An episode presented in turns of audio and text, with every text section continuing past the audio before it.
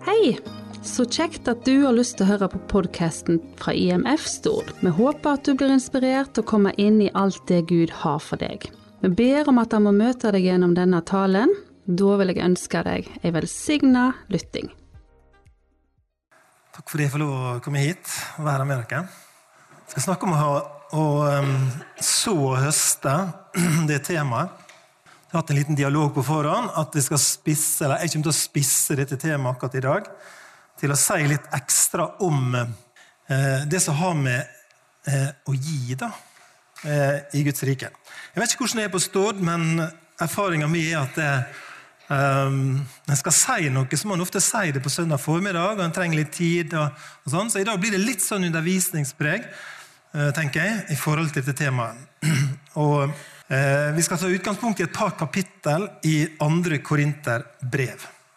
Det er to kapittel, kapittel 8 og kapittel 9 i andre Korinterbrev, som jeg tenker gir oss veldig mye sånn godt tankestoff og stoff å leve etter i vår kristne eh, tru i forhold til det som har med givertjeneste å. Jeg tenker at Gjerningene våre, handlingene våre, livet vårt, det går ut ifra hva er det vi tenker. på en måte. Hva tenker jeg om ting som er viktig? Da får livet mitt eh, konsekvenser i forhold til det. Hvordan tenker vi? Tenker vi rett? Trenger vi å justere tankene våre? Trenger vi å lytte til Guds ord i forhold til ting som kanskje er blitt en vane for oss, og som vi kanskje ikke er så veldig bevisste på? Um, det vet jeg, men I 2. Korinter eh, 9,12 så står det faktisk at dette her er en gudstjeneste. Det å gi er en gudstjeneste. Det er en måte å tjene Gud på med våre liv og våre midler.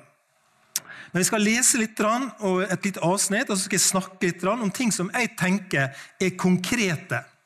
Jeg tenker at Noe av det jeg skal si, er ganske praktisk. Jeg håper at noe av det jeg skal si, er litt motiverende. Eh, og så tror jeg at det kan være utfordrende. Og Så får du gjøre med det det du vil, men disse elementene tror jeg skal være eh, i det som jeg skal si litt om nå i formiddag. Men vi leser fra 2. Korinterbrev 8, begynner der, leser noen vers som et sånt innsteg eh, til dette temaet. Vi vil nå kunngjøre dere, søsken, eh, hva nåde Gud har vist forsamlingene i Makedonia. For selv om de har vært hardt prøvde i sin nød, har den overstrømmende gleda og djupe fattigdommen deres gjort dem rike og villige til å gi. De ga etter evne det kan jeg vitne. Ja, over evne. Og det er frivillig. Inderlig ba de om å få være med på gåva sammen med oss i denne tjenesten for de hellige. Og de ga ikke bare slik som vi håpa. Nei, seg sjølve ga de. Først til Herren, og så til oss, som Gud vil det. Og Derfor ba vi Titus om å gjøre ferdig den gåva han alt hadde byrja på hos dykk, det har overflod av alt. Av tru, tale, av kunnskap og iver og av kjærleiken fra oss, den som nå bor i dykk. Så må det òg la overfloda vise seg i denne gåva. Jeg sier ikke dette som et påbud, men jeg nevner iveren hos de andre for å prøve om kjærleiken dykkar er ekte. Dette er innsteget. Dette er en tekst som eh, vi skal prøve å være litt i, og så skal vi gå litt, litt videre. Men det er et prosjekt. da. Nå sa jeg at Vi hadde et prosjekt på skolen, og vi har for oss et hårete mål om 600 000 kroner for å, å pusse opp. Men her er et annet prosjekt som handler om de fattige i Jerusalem. Dette er på en måte ytremisjonsprosjektet til menigheten i Makedonia. Dette er vil, til menigheten i Korint. Eh, de som han refererer til. Dette her er menigheter som ligger i, i det vi nå kaller Hellas. Eh, og Korint har holdt på i ett år med dette prosjektet. Det får vi vite hvis de leser litt sånn ulike plasser. Eh, og nå er det på tide å sette inn siste giret. på en måte. Det er på, en, det er på tide å intensivere seg, Paulus. Det er på tide å fullføre det dere har starta på. Det er det han motiverer deg til. Og Da gjør han noe som jeg syns er spennende. Jeg tror vi trenger gode forbilder. Jeg tror at eh, barn trenger forbilder i sine foreldre som er verdt å følge. Jeg tror at unge mennesker trenger forbilder eh, kristne forbilder som er verdt å følge. Og vi som menighet og forsamlinger trenger forbilde for oss. Og Det er akkurat det Paulus sier. Han løfter fram et forbilde. Han vil eh, motivere ut ifra at han bruker menighetene i Makedonia som et eksempel. Altså Filippi, Brøa og Tessalonika. Det er disse menighetene han snakker om. Tre forskjellige menigheter eh, som ble grunnlagt etter at Paulus fikk et syn så dere kanskje husker, Kom over til Makedonia og hjelp oss. Og Så reiste han over til Makedonia, og nå har han kommet inn der og etablert menighetene. Og nå hjelper de andre. Han som kom over og hjelpte dem, nå hjelper de andre.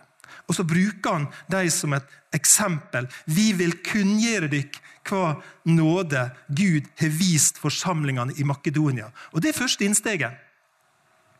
Han sier at det å gi, det er nåde. Og det er jo en god hjelp for oss det er nåde. Det er et gjensvar. Tenk hvilken nåde det er av Gud at vi får være hans sendebud, står det i en sang. Og Det er noe av det han prøver å fortelle deg, eh, de, de kristne i Korint, med å bruke disse i Makedonia som eksempel. Og Så skriver han videre for selv om de var hardt prøvde i sin nød, står det, har den overstrøymende gleden og djupe fattigdommen deres gjort dem rike og villige til å gi. Det er ganske imponerende, ikke det? Altså, hva, hva som står her? Jo, det står at de, er rett og slett eh, i djup fattigdom. De er prøvd i nød. De har det hardt, de har det vanskelig. Og på tross av den vanskelige situasjonen, så er det som om det veller over. De er likevel villige til å gi. Ehm, de er, rike og villige til å gi. Dette er en ligning som ikke går opp, tenker jeg. I utgangspunktet. De er hardt prøvd, de er i nød, de er i fattigdom, og likevel, på tross av, ga de ikke bare etter evne. Men hva sto det? De ga over evne. De ga over evne. Dette har ikke vi råd til. Jeg er jo Janne av og til sagt. Dette er Ikke, altså Av og til så Gjør dere sånn hjemme hos dere? av og til? Nei, ikke dere, kanskje. Jo, av og til så gaper vi litt høyere enn vi liksom ah, litt, Og så gjør vi det. Litt over evne. Jeg tror ikke det er bra å gjøre det på jamna, men av og til. Men her er en gjeng altså, som sier de, de forgaper seg, på en måte, eller de strekker seg ikke bare etter evne, men over evne. De går lenger enn du kan forvente. Lenger enn vi håper. Lenger enn vi hadde, hadde trutt, sier Paulus. Um, og det stopper ikke der for denne gjengen. her. Jeg blir skikkelig imponert over dem. Hør hva som står videre. Inderlig ba de om å få være med på gåva sammen med oss i denne tjenesten for Hellige. De nesten trua seg til det. Altså, Inderlig ba de om det. Altså, det er Av og til vi kan tenke eh, nå vet ikke om det er sånn, men av og til kan vi tenke at når, når Korga gikk oss forbi på en måte, ja, ok, hun kom ikke til meg, liksom. ja, ja, men da kan jeg jo spare den hundrelappen. Eller noen som har gjort det noen gang. Sikkert ingen her heller som har gjort det. Men, men, noen, men, det å springe etter kollektøren ja, men Hvorfor skal ikke jeg få gi? sant? Hvorfor skal ikke jeg få være med? Jeg må få være med. Og disse her kristne i Makedonia de blir det sånn der, eh, Jeg blir litt satt ut av deres iver etter å få gi. Deres iver etter å få være med. Og de ga ikke bare slik vi hadde håpet, sier Paulus. Nei, står det, de ga seg sjøl. Det, det, er en type ofring. Det er en type eh, givertjeneste, om du vil, som går lenger. De ga seg sjøl først til Herren, og så til oss, som Gud vil det. Paulus er ærlig på det. Jeg hadde rett og slett for lave forventninger. Jeg bomma. Jeg drømte ikke stort nok. Jeg tenkte ikke stort nok. De ga seg sjøl eh, først til Herren, og så til oss. Dere kjenner kanskje sangen 'Hva skal jeg gi til min frelser'? Hva kan jeg gjøre for ham? Røkelse, myrra, juveler ei kan forslå til Guds lam, står det i en sang. da. Og så svarer han i, vers, i koret Jesus, meg selv jeg deg bringer, legger meg ned for din fot. At du meg evig skal eie. Jeg er jo kjøpt med ditt blod. Hva skal jeg gi til Jesus? Og så står det at de ga seg sjøl. Og det innbefatta det de hadde. Livet deres, midlene deres. Jeg tenker Det er en viktig presisering. Hvorfor ga de seg sjøl, og hvorfor skal vi gi oss sjøl? Hvorfor skal jeg gi meg sjøl til min frelser? Hvorfor skal jeg tjene Han evig på ulike måter? Jo, det er fordi Han kjøpte oss med sitt blod.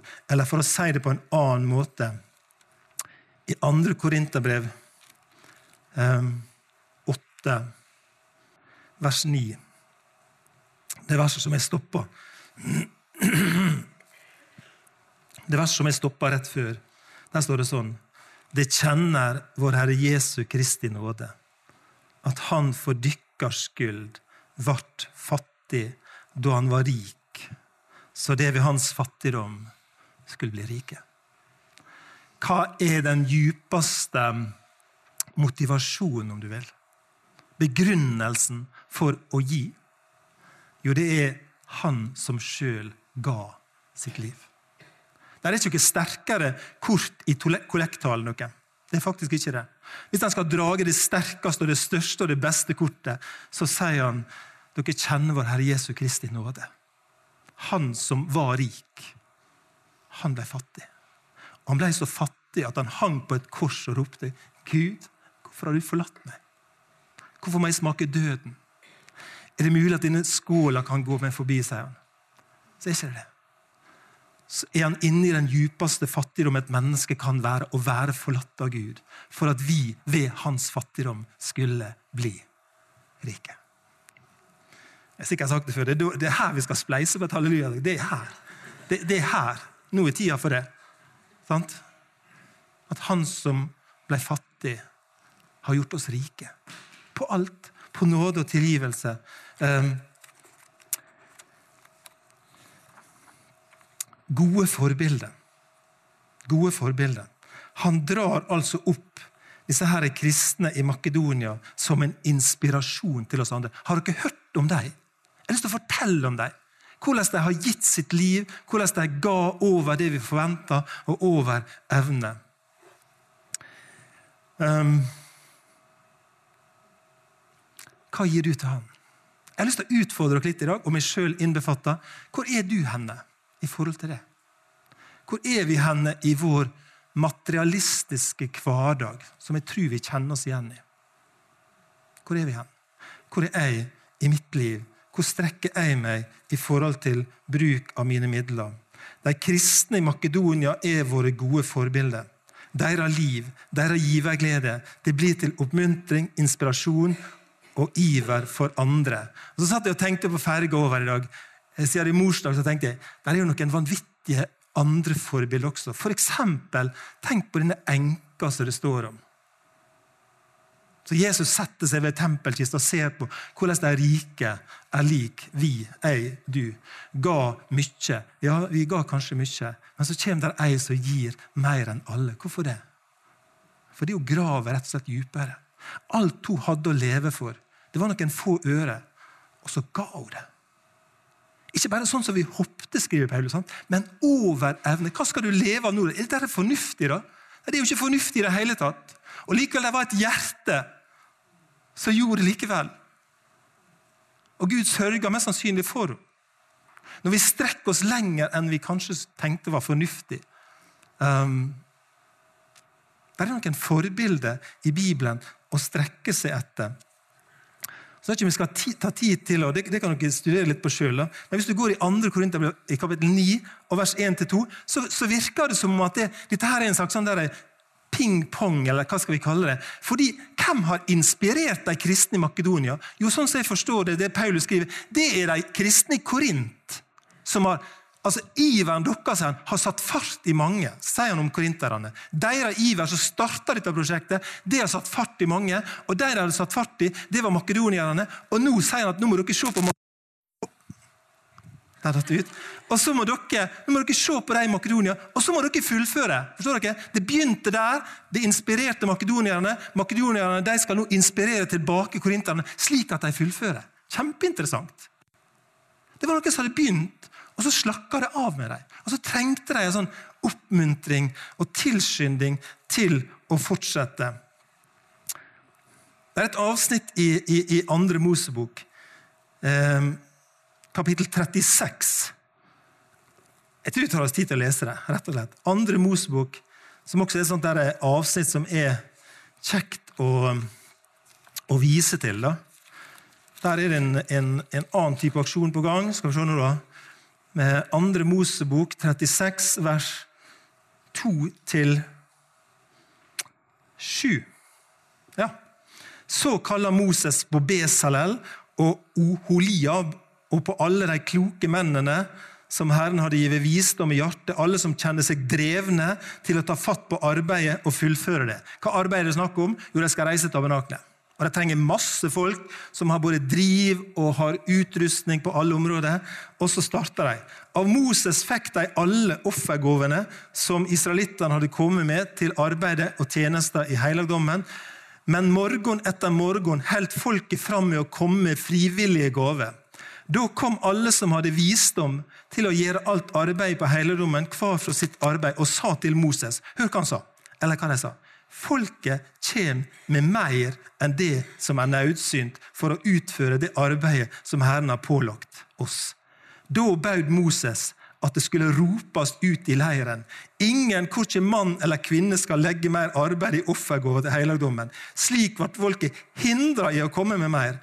Det de hadde gjeve, var nok til å få arbeidet gjort, og mer enn nok. Er ikke det en flott historie? Altså, uh, Vi har et prosjekt her nå, og vi inviterer folk med. Og folk kommer frivillig og gir og gir og gir. Og så går det så langt at det, vi må stoppe folket å gi. Inntil det har skjedd i IMF Stord, så skal vi holde fram, tror jeg. Jeg skal gi beskjed når liksom det, nå kan dere stoppe. Jeg har kjempestor frimodighet på Guds rikes vegne å invitere med. Det er det. Eh, jeg bruker å si av og til, jeg har sikkert sagt det før, jeg har ubegrensa frimodighet til å invitere deg med på et prosjekt som vi driver på Bildøy, med unge mennesker. Jeg tror, jeg tror, det er helt avgjørende.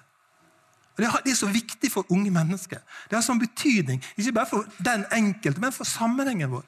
Ubegrensa frimodighet til å droppe den svelende kaffen og den færa pølsa på ferga over fjorden her borte, og gi deg inn noe annet. Kjempefrimodighet. Til å vurdere hva du skal gjøre når du skal kjøpe en ny bil. Jeg mener det seriøst. For det er et prosjekt som er viktigere. Det er kanskje noen besteforeldre som skal si jeg skal betale, jeg skal betale Israel-turen for deg hvis du vil gå på bibelskole. Det er et prosjekt som er så viktig denne garasjen eller hva det nå er for noe. Det kan vente litt til. Her er et prosjekt som er viktigere. Og det var så viktig at de måtte stoppes. Dette var punkt én. Jeg har fem punkt til. Skjønner dere? Helt, nei, ikke det. Men, men punkt én er gode forbilder. Det var det jeg ville si til dere. Eh, noen som går foran. Noen som viser vei. Og Det var noen menigheter som som han skrytta av Paulus. Jeg er litt sånn overraska over det. at men ikke, Det må ikke vi si noe om. Ingen må få vite det. Sant? Altså, skal ikke si noe om. Han var kjempefrimodig. Han brukte de som hadde gitt av seg sjøl lenger enn han forventa, som eksempel til følg disse folka her. Jeg holdt på å si, Ikke sa gnierne oppe i Roma, eller hva han skulle si. Altså, det, det, sa ikke han, sant? Men, men det er noe som han bruker som eksempel. Så sier han noe om godvilje. Og det har jeg lyst til å si litt som punkt to godvilje, villighet til å fullføre et prosjekt. Og det er kjempevanskelig. Det merker vi i livet vårt. Det å starte noe det kan være kjempegøy. Det å sette i gang noe, det å begynne, vi ser starten, og så er det kjempeentusiasme. Men det å fullføre, det å holde ut hele veien, det er ganske krevende. Er ikke det? Etter nyttår er jeg klar, jeg er klar for å trimme, jeg er klar for å spise. Altså, men det å holde ut det er jo det som er problemet. Og Det er det som var problemet for menigheten i Korint. Det hadde begynt for et år siden, og så hadde det dabba av. Og Nå var det på tide å si nå må dere komme med godviljen deres. Nå må dere fullføre. Paulus eh, har liksom en sånn, sånn ja, oppfordring. Jeg sier min mening om dette, sier han da i, i vers 10-12 eh, i dette kapittel 8. Jeg sier min mening om dette, og det kan være til nytte det som i fjor ikke bare gikk inn i arbeidet, men òg la godviljen til. Nå gjelder det å fullføre verket. Liksom det var villige til å gå i gang, må det nå være villige til å fullføre. Alt etter hvor mye det har. For når den gode viljen er til stades, skal han verdsettes etter det en har, og ikke etter det en ikke har. Masse kloke ting her. Masse kloke ting. Eh, det er jo klokt i seg sjøl å, å, fullføre. Men han sier meninga si. Jeg appellerer til godviljen deres. Det fins vrang vilje, ikke det? Har du kjent på det? Både i eget liv. Det fins motvilje, det fins mangel på vilje. Det fins dalende vilje eller engasjement. Eh, eller rett og slett uvilje. Motstand mot ting. Eh, og Kanskje var det litt sånn i Korint nå. Det var på tide, syns Paulus, å oppmuntre deg til å legge godviljen til. Legg den gode viljen Kom igjen nå, da, sier han. Um, og så ber ikke han om det urimelige. Og det kjenner jeg også er Det er noe godt i det. Um, for han sier det at det, uh, altså den gode viljen um, Når den er til stede, så skal den verdsettes etter det en har, og ikke det en ikke har. Og Det tenker jeg er en sånn god melding til alle kristne, både når det gjelder penger, men også når det gjelder tjeneste. Hva skal jeg tjene Gud med i mitt liv? Jo, nå skal du høre. Hva skal du tjene Gud med? Du skal tjene Gud med det du har. Hva penger skal du tjene Gud med? Med det du har. Ikke de du ikke har. Ikke de naboen har. Og Da er det en sånn differensiering som jeg kjenner kan hjelpe meg å senke skuldrene litt. Gud vil ikke stille meg til ansvar for det jeg ikke har. Og Paulus stiller ikke menigheten til ansvar for det de ikke har. Men det de har, det er de ansvarlig for. Det er det vi skal forvalte. Det er det du skal forvalte. Både når det gjelder tjeneste, og når det gjelder midler. Han er rett og slett ikke urimelig. For når den gode viljen er til stades Jeg syns du skal legge merke til det. Eh, det er ikke alltid vi har samme anledning. Det er ting som endrer seg i livet vårt, som blir vanskeligere. Jeg sier meninga mi, sier Paulus. Det kan være til nytte. Så er det et faktum i, i um, denne teksten. Paulus bruker en annen kristen menighet til å inspirere, til å appellere til godviljen. Og så peker han på følgende. Denne gangen du leser videre fra vers 14 der. Denne gangen er det det som har overflod og kan hjelpe de som lider nød. En annen gang har de overflod og kan hjelpe dykk når det lider nød. Så blir det likt, slik det står skrevet. Den som fikk mye, hadde ikke mer enn han trong, og den som fikk lite, mangla ingenting. Hva syns dere om det? Dette er det vi kaller for et likhetsprinsipp. Fordi nå har dere mye. Og det er helt rimelig at dere gir til de som har lite. En annen gang, sier han, da er, det, da er det de som har mye, og dere kan trenge det. Dette ligner jo på en familie, er ikke det? da? At jeg, trenger noen. Vi trenger hverandre. Akkurat nå trenger de dere. De er i nød i Jerusalem. En annen gang så kan det gå hin veien. Dette er det som, som, Paulus bruker som et sånt likhetsprinsipp. Og så bruker han et bilde fra Gamle testamentet som handler om når de samla mann. og sånt, der ingen fikk, Han fikk egentlig det han trengte. Det er hele historien. Selv om du samla masse, så var det ikke nok til mer enn én dag. Og den som samla mindre, han fikk nok til én dag. Det, det, er liksom likhets- eller rettferdighetsprinsippet. Paulus ber dem se tilbake på israelsfolket, og så sier han det en annen gang kan det være dere. Da kan dere trenge dem. Er det noen som trenger oss? Er det noen som trenger dere på Stord på en spesiell måte nå? Der dere har bedre anledning enn andre?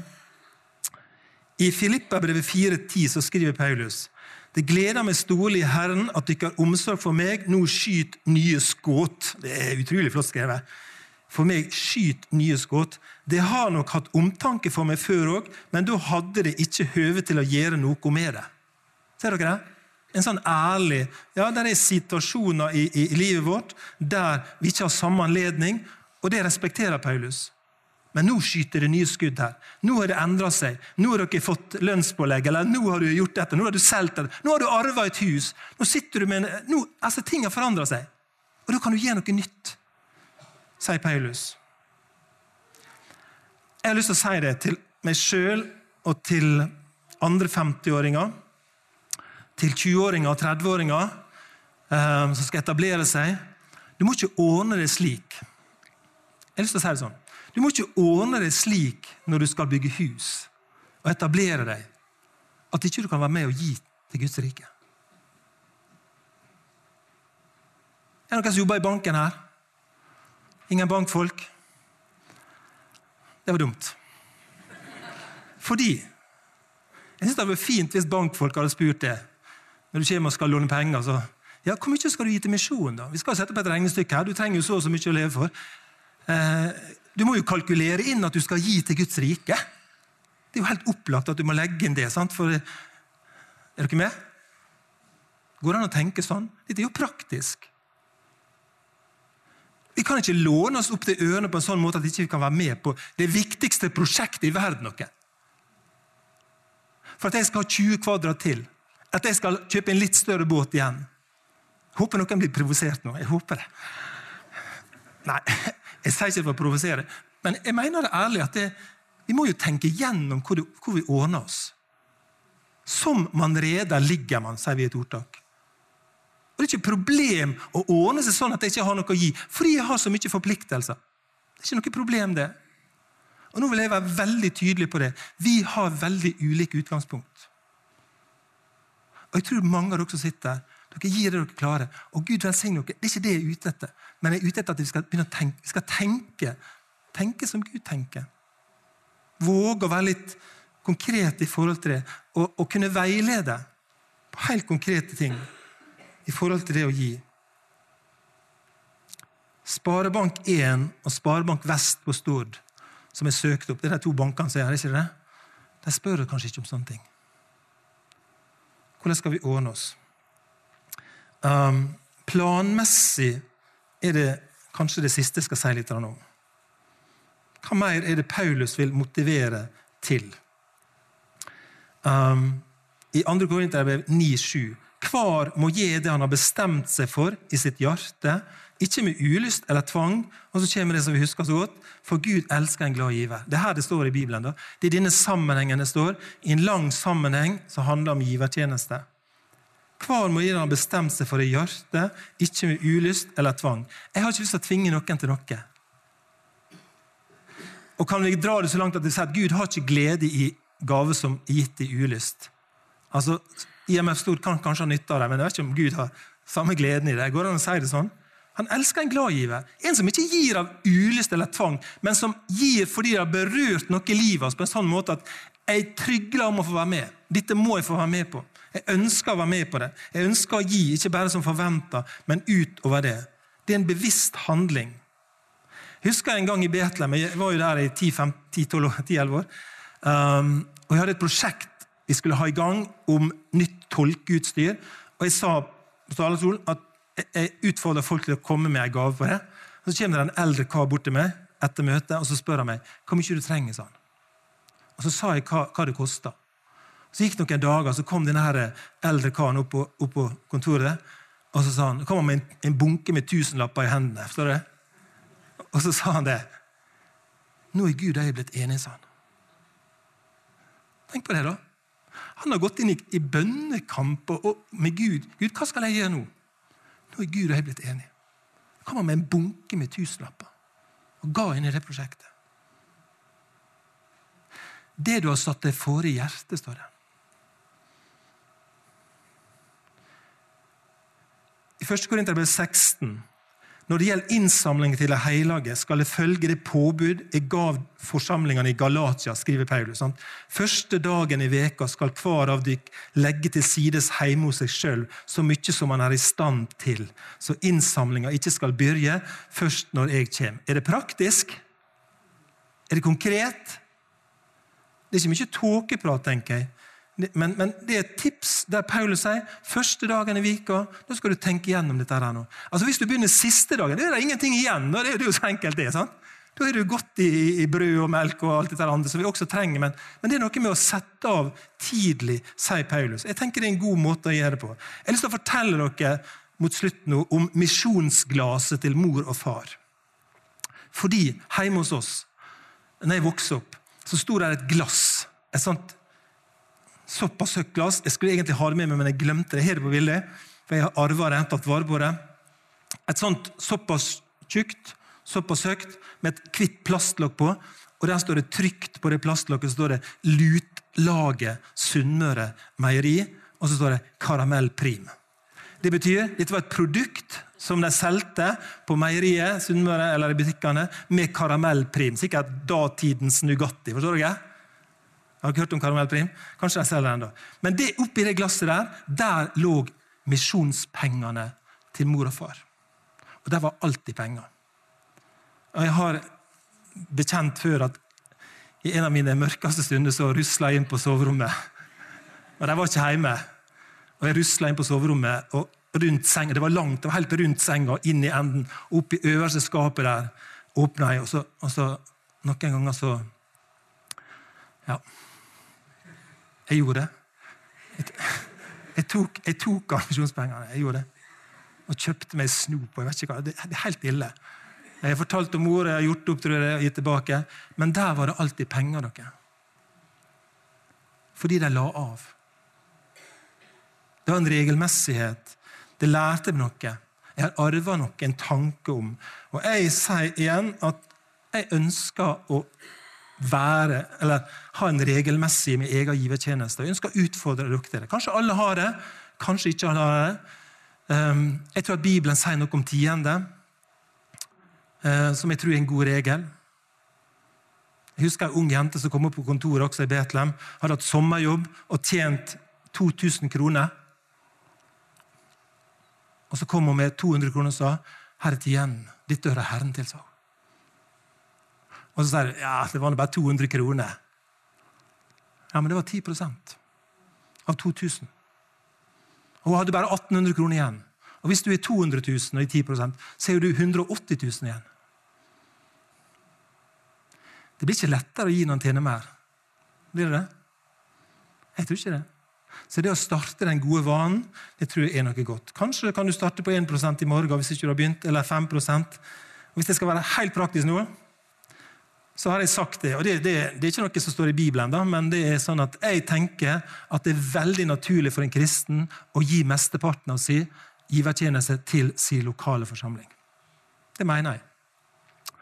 Så 5% kanskje 6% og så har du andre hjertebarn som du også skal gi til. Det er en sånn regel for meg. da. Og jeg sier, Det står ikke i Bibelen, sånn, men det kan være hjelp til å tenke. Hvordan skal jeg tenke? Jo, jeg har et ansvar for min lokale forsamling, og så har jeg mange andre ting. Jeg har Brandøy, jeg har Ytremisjonsprosjekt eh, og Helgatun og Imsen og alt dette her. Mange ting. For ikke å glemme bibelske på bildet. Sant? Det er mange ting som vi kan være med på. Men det er noe med å ha en regelmessighet som jeg har lyst til å oppmuntre dere til. Har dere skjønt hva jeg snakket om nå? Kanskje ikke så veldig oppbyggelig, men i djupet deres så handler det om, hele greia handler om um,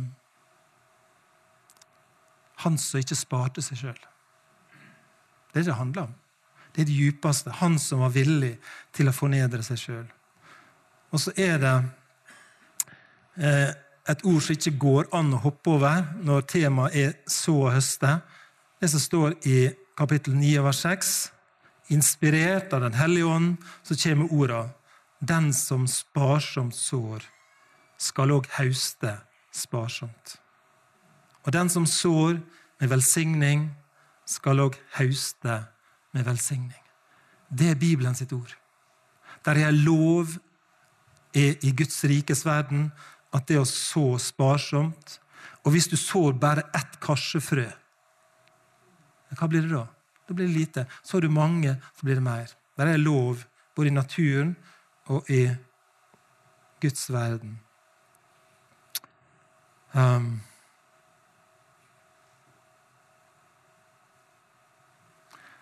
jeg tror vi skal slutte nå.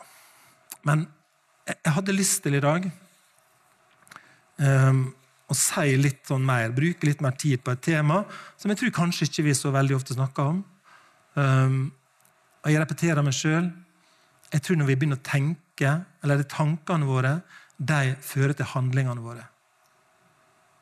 Så kanskje er det, er det tid bare for å gå hjem og, og snakke litt i lag. Kanskje dere som har ektefelle, skal gå hjem og snakke i lag. Er vi der vi skal være? Eller ønsker vi å justere? Ønsker vi å gjøre noe nå? Så er jo drømmen at det blir sånn som det var med Moses. da. Nå, nå kan ikke vi ta imot mer. Ikke det? Ok, folkens. Um, her har jeg lyst til å takke deg for ditt ord. Så er det det som jeg har snakka om og sagt litt om. Uh, jeg ber om at vi kan få lov å tenke dine tanker om livet våre. Hva skal vi gi til deg, Jesus? Midlene våre. Hva skal vi gi til deg? Hvordan skal vi tenke når vi investerer? Hvordan skal vi tenke når vi pusser opp husene våre og kjøper hyttene våre? her og alt dette her? Hvordan skal vi tenke? Herre, jeg ber om at vi ikke må ordne oss slik at vi ikke kan være med å gi til ditt rike, Herre. Jeg ber om at vi kan la oss inspirere av de kristne i Makedonia, som strekte seg, virkelig strekte seg. I sin nød og i sin fattigdom så trygler de om å få lov å være med.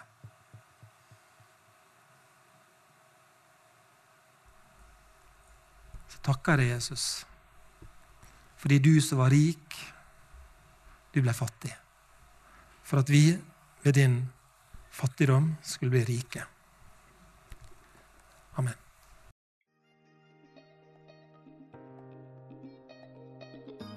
Da håper jeg du ble møtt av Gud gjennom denne talen. Husk, han har kun det beste for deg. Vi vil òg benytte muligheten og ønske deg hjertelig velkommen til våre samlinger på Lærvik bedehus. Og mangler du et kristen fellesskap, er du velkommen til IMF Stord. Besøk oss gjerne på vår Facebook-side eller på vår hjemmeside imfstord.no for mer info. Ha en velsigna dag, da, og takk for at du lytta.